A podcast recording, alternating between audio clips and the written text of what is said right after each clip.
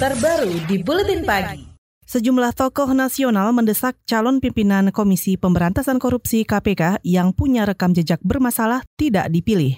Perwakilan Koalisi Masyarakat Sipil untuk KPK Bersih, Yati Andriani, mengatakan Presiden Joko Widodo harus menerima masukan yang disuarakan masyarakat. Ini tentu saja ada di Bapak Presiden Joko Widodo. Sejauh mana nanti Bapak Presiden akan menerima masukan dari KPK, sejauh mana Bapak Presiden akan menerima masukan dari masyarakat sipil, ini akan sangat menentukan bagaimana KPK empat tahun ke depan. Perwakilan Koalisi Masyarakat Sipil untuk KPK Bersih, Yati Andriani, juga mengimbau pimpinan KPK untuk segera mengirim surat kepada Presiden Jokowi yang isinya meminta Presiden menolak menetapkan calon pimpinan KPK yang tidak patuh mengirim LHKPN dan punya rekam jejak bermasalah. Salah satu tokoh yang menyoroti seleksi capim KPK adalah Sinta Nuria, istri mendiang Presiden Abdurrahman Wahid.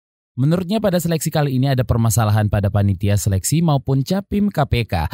Hal itu memprihatinkan mengingat KPK merupakan lembaga ujung tombak dalam pemberantasan korupsi. Namun sayangnya dalam kacamata saya, proses pemilihan pimpinan KPK kali ini telah menyisakan banyak persoalan serius, mulai dari panitia seleksinya hingga para calon yang mendaftar. Padahal KPK adalah ujung tombak dari upaya pemberantasan korupsi di Indonesia. Untuk itu harus maka harus diupayakan dipimpin oleh orang-orang yang cakap dan berintegritas. Sinta Nuria heran mengapa ada calon pimpinan KPK yang sebenarnya tidak memenuhi kriteria tapi tetap melenggang hingga tahap tes wawancara akhir.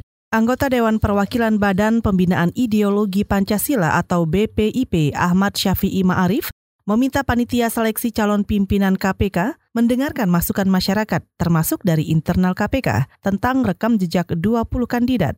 Kata bekas Ketua Umum Muhammadiyah itu, pansel harus cermat dan tegas untuk menentukan kandidat terbaik sebelum diserahkan kepada Presiden Joko Widodo. Iya, tapi kan cukup juga ya. Dengan juga pendapat masyarakat, ya, dengar pendapat masyarakat, dengar juga dari KPK, dengar juga dari Saud tadi ya, dengar. Ya, jangan hanya ya, kita jangan ber, ber, ber, ber, ber, ber, bertopen-topen janganlah ya.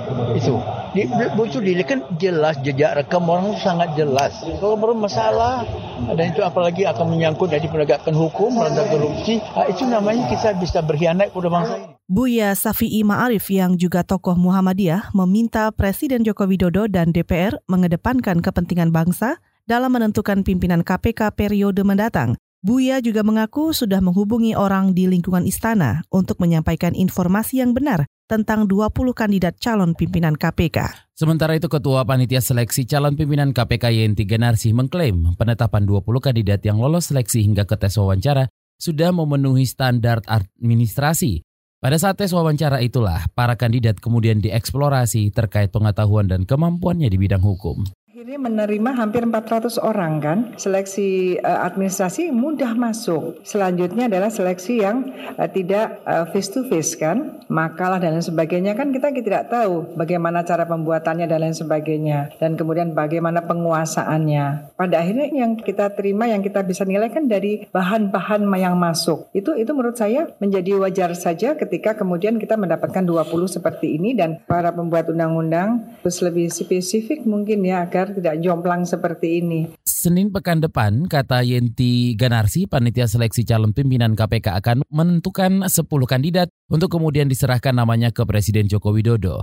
Menurut Yenti, panitia seleksi tidak akan mengumumkan 10 nama calon pimpinan KPK itu kecuali diminta oleh Presiden. Nantinya nama-nama itu oleh Presiden diserahkan ke DPR untuk dilakukan penyaringan akhir melalui uji kepatutan dan kelayakan. Hanya lima kandidat saja yang akan menjabat sebagai pimpinan KPK Jilid 5 itu. KBR, inspiratif, terpercaya.